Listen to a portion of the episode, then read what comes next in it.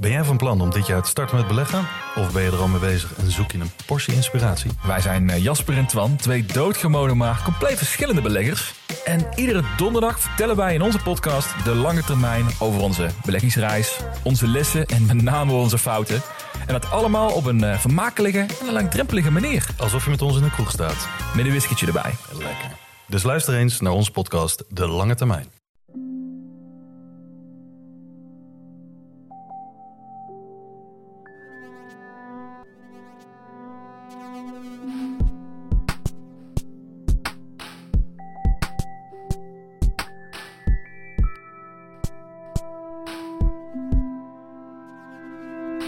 Hey, ik ben Pieter van Relaas.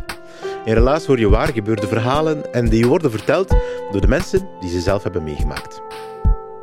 Relaas komt helemaal voor niks tot in jouw oren, dankzij onze vrienden van de show. Nick55 bijvoorbeeld. Ik denk dat dat niet zijn echte naam is, maar goed. Nick55 steunt ons elke maand.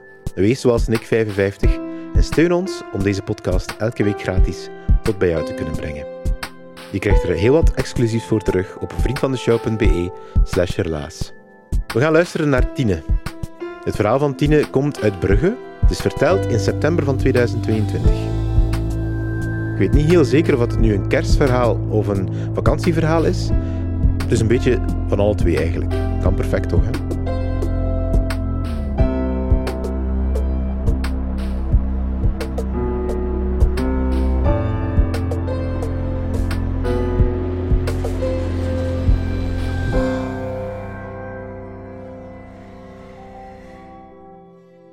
Het is altijd moeilijk om op reis te vertrekken, op weekend of op trip.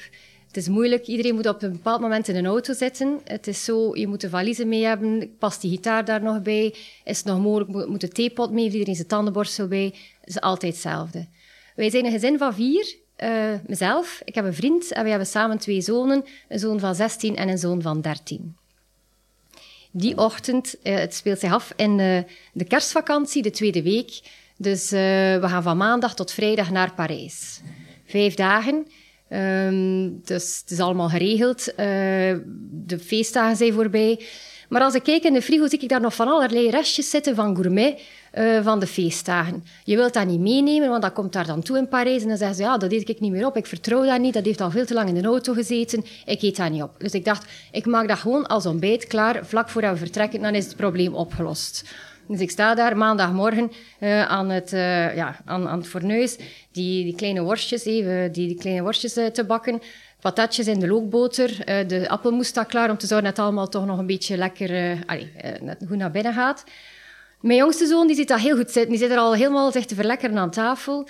De andere helft van het gezin ziet het niet zo goed zitten. Die denken van, er begint daar zo wel een beetje gemorrel, dat, uh, dat ontaart in een kleine discussie. Dus ik, vertel, ik vraag, Moest het nu pizza zijn, zou je het wel opeten? Ja, maar dat is iets heel anders. Dat, is geen, dat zijn geen worsten en appelmoes en zo.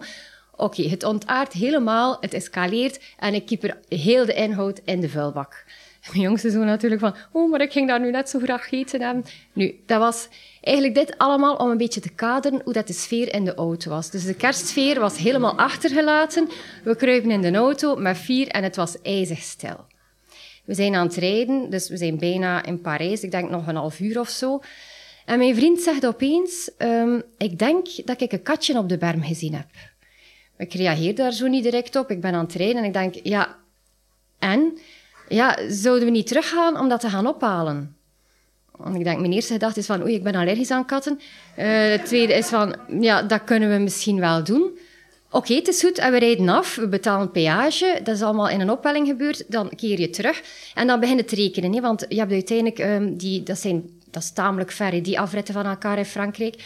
Dus um, dan begin je zo te tellen van... Oké, vanaf waar zou het... Hoe lang heeft die gedachtegang geduurd? Hoe lang was dat, dat gesprek? Om dat dan af te tellen van de kilometer die je nog zou moeten doen. Nu, we zijn aan het rijden. Ik rijd tamelijk snel. En dan nog een keer terugkeren heb ik gezien dat er daar dan een flitscamera stond. Maar allee, ik heb daar niks van gekregen. Dus we rijden terug, we betalen weer peage en dan, hup. En intussen begint dat hier allemaal te werken van, oké, hoe gaan we dat aanpakken? Dus we gaan dan parkeren. Um, de jongste zoon die zat achter mij, dus die is ook een beetje impulsiever. Dus ik had gezegd, oké, hij blijft zitten. Het is alleen dus de papa en de zoon die gaan de oudste zoon, die gaan uitstappen om dat katje te gaan zoeken. En uh, de afspraak was ook, en je, kruipt er niet zo, allee, je springt er niet zomaar achter. Als dat katje intussen op de autostrade uh, springt, we gaan daar niet achter, want het kan zo zijn in een opwelling. Nee, dat is goed. Oké, dus we zijn aan toe. En we beginnen een beetje trager te rijden, omdat volgens onze berekening moet het bijna daar zijn. Um, en opeens zegt mijn vriend, ja, ik heb, ik heb het katje gezien. Oké, okay, aan de kant. Uh, en intussen, het was zeer druk die dag, vond ik. Dus wij staan daar op de, op de pechstrook met die, met die knipperlichten aan. En intussen passeren de vrachtwagens de hele tijd de een achter de ander in die auto. De hele tijd zo, weet je wel, zo. Ik zie ze zo'n beetje op een drafje um, op de pechstrook uh, lopen. En opeens zijn die weg. En komen die na een minuut terug. Sorry, het was een schoen. We zijn gemist. Oké, terug, die fles uit de dingen, terug naar die, uh, in, het verkeer gereden. Veel trager dan. En dan opeens zei hij, nu heb ik haar echt gezien. Dus ik zeg al haar, het is al een beetje verklapt. Het is dus een meisje. Uh, dus ze springen uit de auto. En dat kon ik nu volgen vanuit de achteruitkijkspiegel. Dus effectief, dat was precies een eekhoorn met een hele grote staart. Dat klopt niet in wat ik dan uiteindelijk in de auto zag, maar dat was precies alsof het dat iets anders was. Ze komen in de auto met dat katje. Dus mijn vriend kruipt terug van voor. Uh, onze oudste zoon die heeft, allee, die is 16, dus die heeft nog niet zo'n hele grote hand, maar dat, dat, katje past daar helemaal in. Dus dat was een heel mooi grijs gestreept katje. Uh, maar van die oogjes wel een beetje ontstoken en zo. Helemaal die armpjes wijd, die, die, die vingertjes wijd. En die was heel boos. Die zei zo... Een heel klein dingetje. Nu, uh, we waren eigenlijk direct verkocht, dus in de auto. En ik zeg nog, wat achteraf ook niet zo heel slim is. Um, draai ze anders in de, in de jas van je broer. Want uh, ja, die had natuurlijk wormen en vlooien. Dus dat was uh, op dat moment. En dan hebben wij die een heel klein beetje eten gegeven. Zo kruimeltjes van een broodje of zo. Uh, ik denk dat we niet veel anders hadden. Nu, die had heel veel honger. Die is ook direct beginnen spinnen vanaf ze in de auto zat. Dus die was helemaal gedraaid. Oké, maar dan zit je daar. Um, en dan, oké, dan gaan we nu terug in. Dan rijden wij verder naar Parijs. En ik dacht heel eerlijk, zoals in de strips, wat nu geblazen? Nu zitten we hier, we gaan naar Parijs voor vijf dagen en we zitten hier met een katje en we hebben daar niks voorbij. Dus, uh, oké, afgesproken. Dus mijn vriend begint te bellen naar al de veterinairs. We spreken nu altijd over de veterinairs en zo in Frankrijk naar daar geweest zijn. Naar al de veterinairs in, uh, in Parijs, zo dicht mogelijk bij onze Airbnb, bij ons appartement. En dan konden we gelukkig nog zo'n um, een noodafspraak maken uh, en konden we ertussen genomen worden. Alles wordt een beetje moeilijker natuurlijk als je een kat bij hebt. Je bent daar niet op voorzien, dus je moet dan dubbel gaan parkeren, sowieso in Parijs, om daar alles uit te laden, alles in het appartement te gaan zetten. En dan hup, met dat katje naar de, naar de veterinair. Dan kom je alles zo'n beetje verder weg van uh, Parijs, waar je dan al een beetje specialere types tegenkomt. En er was daar een vrouw, en die was heel geïnteresseerd in ons. Ja, komt daar dan toe met een doos met een katje in? Dus ze was heel geïnteresseerd. En ze vroeg uh, ja, hoe dat kwam en zo. En dan was oh mon dieu, oh mais c'est grave, oh le château, oh mais c'est grave, oh mon cœur. Um, maar ze verzekerde ons, het is een hele goede veterinair, want haar kat was van het vijfde verdiep naar beneden gevallen, had haar kaak gebroken en effectief, je zag daar niks meer aan. Dus ik dacht, ons vertrouwen was daar wel. Na lang wachten mochten wij naar binnen bij de veterinair, maar het was nog corona. Dus uh, ik, ja, er mocht maar één persoon mee naar binnen. En ik dacht op dat moment uh, dat ik de best aangewezen persoon was om mee naar binnen te gaan. Dus ik ga mee. Dus en die, die neemt dat dan heel professioneel vast. Zo'n nekvel en zo, hup. En, um, en dan begint hij die te onderzoeken. En effectief, die oogjes waren helemaal ontstoken. Maar met een zalfje ging dat allemaal in orde komen.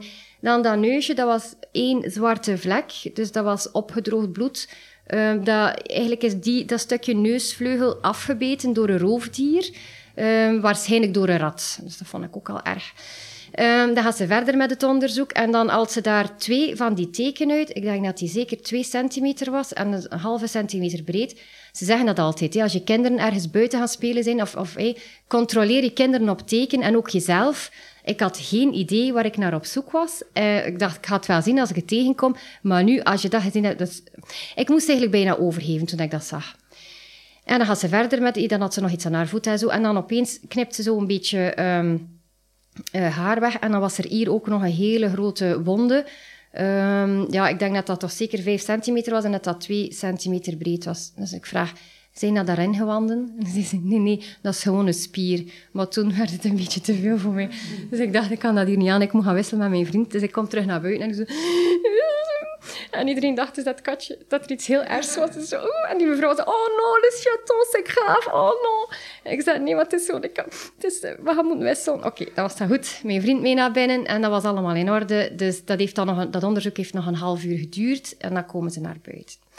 Dus ja, zalfjes en zo. En dan dat neusje ging dan een beetje toegenaaid worden de woensdag. Dus dan moesten we wel terugkomen. Dat is, dat is een streep door je rekening. Hè? Want dan denk je, we gaan vier, allez, vijf dagen naar Parijs. We gaan dat allemaal op het gemak doen. Uh, S'morgens lang slapen, ontbijten, een beetje lezen. En dan in de namiddag een of andere activiteit. Waardoor, dan was dat plots van... En kan je dan om uh, woensdag om negen uur bij, het, uh, bij ons terug zijn? Want we gaan dan eh, onder verdoving. Moet dat katje dan onder...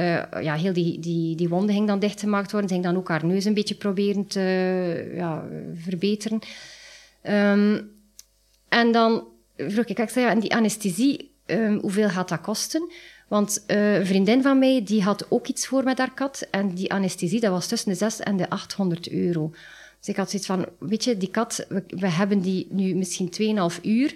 Maar dat is nu niet iets dat ik al van plan was om die... Ik ga niet zeggen dat het alternatief was, maar allee, dus ik heb het gecheckt, maar het was 85 euro. Dus dacht ik, oké, dat kan er nog wel bij. En toen vroeg de veterinair van, hebben jullie eigenlijk dingen bij om die kat te verzorgen? Ik zei, ja, nee, wij komen eigenlijk zomaar naar Parijs. We hebben die kat nu net gevonden.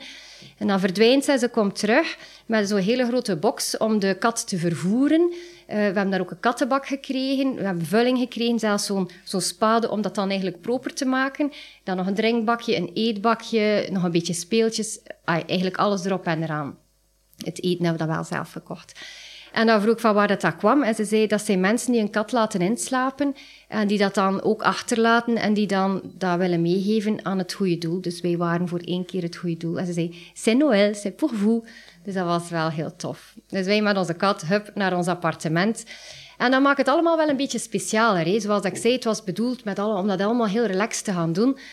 Um, dan de volgende dag, uh, je vertrekt dan. Wij hadden een, um, een fietstoer ge, allez, afgesproken met de, met de hits om dat uh, te gaan om dat te doen. En dan moet je dat katje, zo'n heel klein dingetje, achterlaten in dat appartement. Uh, je weet eigenlijk niet of ze daar nog gaat zijn s'avonds. Of ze lijkt zodanig klein alsof ze ergens gaat verdwenen zijn in een of andere spleet. Uh, dus wij dan zo hup, uh, die tour gaan doen, dan terug, uh, terwijl hij anders zou je dan in de stad blijven. Niet nog iets gaan drinken, iets gaan eten op het gemak. Dus nu was het, ja, terug naar het katje.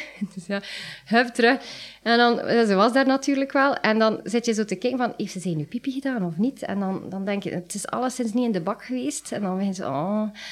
Want er waren ook van die lange gordijnen waar, um, die tot op de grond komen. En hadden we gezien dat dat eigenlijk op die gordijnen geweest is.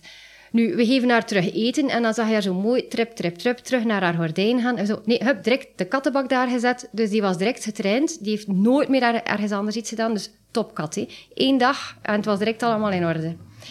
De woensdag moesten we dan natuurlijk naar de, naar de veterinair terug om alles te laten opereren. Maar dat was eigenlijk ook wel een beetje vies intussen. Iedere keer als je die kat pakt, zat je soms met je hand dan in die... Dus, dat moest eigenlijk wel zo rap mogelijk toe.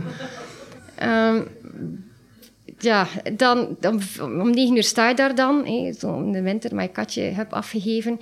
En dan zegt ze, ja, en dan mag je om drie uur dertig mag je die kat terugkomen halen. En dan denk je, allee, we gingen naar het Louvre gaan, dus we zijn daar dan echt naar het Louvre gespurt. Al die kamer, kamer één, check, kamer twee, check. Mona Lisa, klik, klik, check, up. Terug naar de veterinair. En die dan gaan ophalen. Um, en zo zijn we dan uiteindelijk teruggekeerd de vrijdag met een katje. Uh, ja. Ik denk dat al de kattenliefhebbers weten wat het is om een kat te hebben. Uh, de niet-liefhebbers, ik ga daar niet over uitweiden, want dat is niet zo leuk om daarover te horen. Uh, maar het is een hele leuke kat. Hè. Die is blij om ons te zien, die is altijd blij. Die is blij als wij s'nachts opstaan, als wij s'avonds laat thuiskomen, als wij s'morgens vroeg opstaan. Die is altijd blij. Die kijkt ons ook heel verliefd aan. maar het is ook een heel triest... Ik vind wel ik word er altijd een beetje heel triestig van als ik eraan denk. Die had geen mama. Die was, ze was niet achtergelaten door, door mensen. Dus het is niet dat er mensen naar daar uh, die geen katje wilden. Het, ziet er zo naar uit, dat zei de veterinair toch, dat ze, um, ze was... Ze is geboren in het wild, dus die mama moet op een of andere manier verdwenen zijn. Dus op zich is dat al triestig. Geen mama, aangevallen door een roofdier, haar neus afgebeten, ergens vastgezeten aan een habbehier geen eten. Dus eigenlijk, ja, ik vind dat heel triestig. Ze noemde intussen, ja, we hebben daar in het begin, we moesten dan heel rap een naam uitvinden. Dat was Gabi geworden. Ik wil nu niemand beledigen die Gabi noemt, maar dat is geen kattennaam. Hè. Dus uh, een beetje verder zijn we geëvolueerd naar Lea, maar dat was het nog altijd niet. Um, en, en, en, toen kwam mijn vriend af en hij zei Gigi. En ik dacht, dat is het, het is Gigi. En effectief, Gigi. Um, het, het, ja, als wij nu nog op trip gaan, is het besluit eigenlijk dat uh, mijn vriend niet meer uit het raam mag kijken.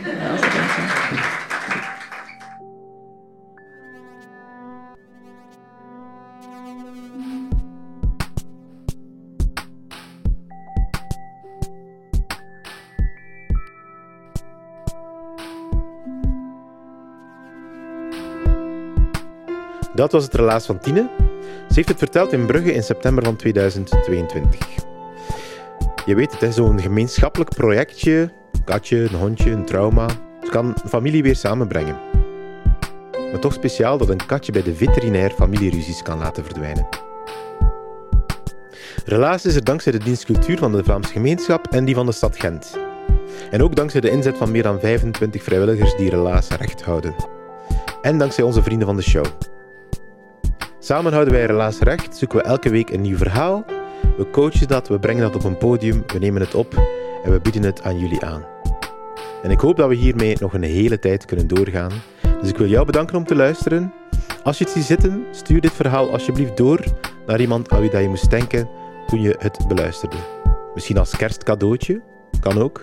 Of misschien als, hey, we hebben zoiets gelijkaardigs meegemaakt. Stuur het gerust door. Dat betekent dat wij een extra luisteraar bij hebben. En hoe meer luisteraars, hoe meer onze familie relaasvrienden groeit. Dankjewel.